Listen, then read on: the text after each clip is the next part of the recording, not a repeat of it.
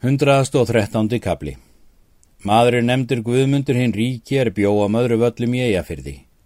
Hann var Eyjólfsson, Einarssonar, Auðunarssonar Rótins, Þórólssonar Smjörs, Þorsteinssonar Skrofa, Grímssonar Kampans. Móðir Guðmundar hétt Hallbera, dóttir Þóróts Hjálms, en móðir Hallberu hétt Reginleif, dóttir Sæmundar hinn Suðureiska.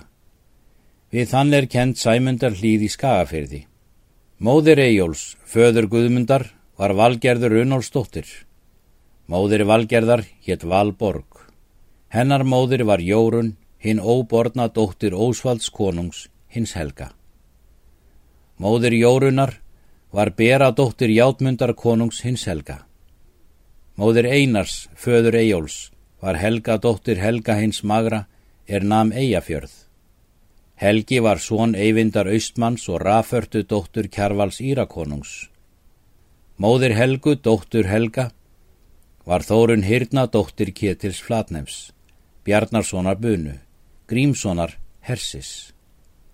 Móðir Gríms var Hervör en móðir Hervarar var Þorgerður dóttir Háleiks konungs af Hálóga landi. Þorlaug hétt kona Guðmundar hins ríka, dóttir Alla hins ramma, Eilífssonar Arnar, Bárðarssonar í Ál, Ketilssonar Refs, Skíðassonar hins gamla.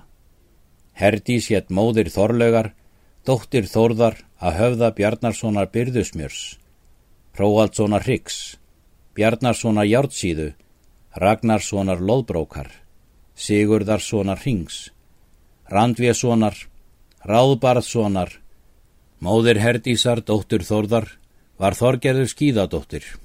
Hennar móðir var friðgerður dóttir Kjarvals Írakonungs. Guðmundur var höfðingi mikill. Hann var auðugur maður af fjö. Hann hafði hundrað hjóna. Hann satt yfir virðingu allra höfðingja fyrir norðan Öksnadals heiði svo að sumir letu bústaði sína en suma tók hann af lífi en sumir letu goðorð sín fyrir honum og er frá honum komið alltið mesta mannval á landinu. Ottaverjar og styrlungar og kvamverjar og fljótamenn og ketill biskup og margir hinn bestu menn. Guðmundur var vinur áskríms ellega grímssonar og ætlaði áskrímur þar til liðveslu.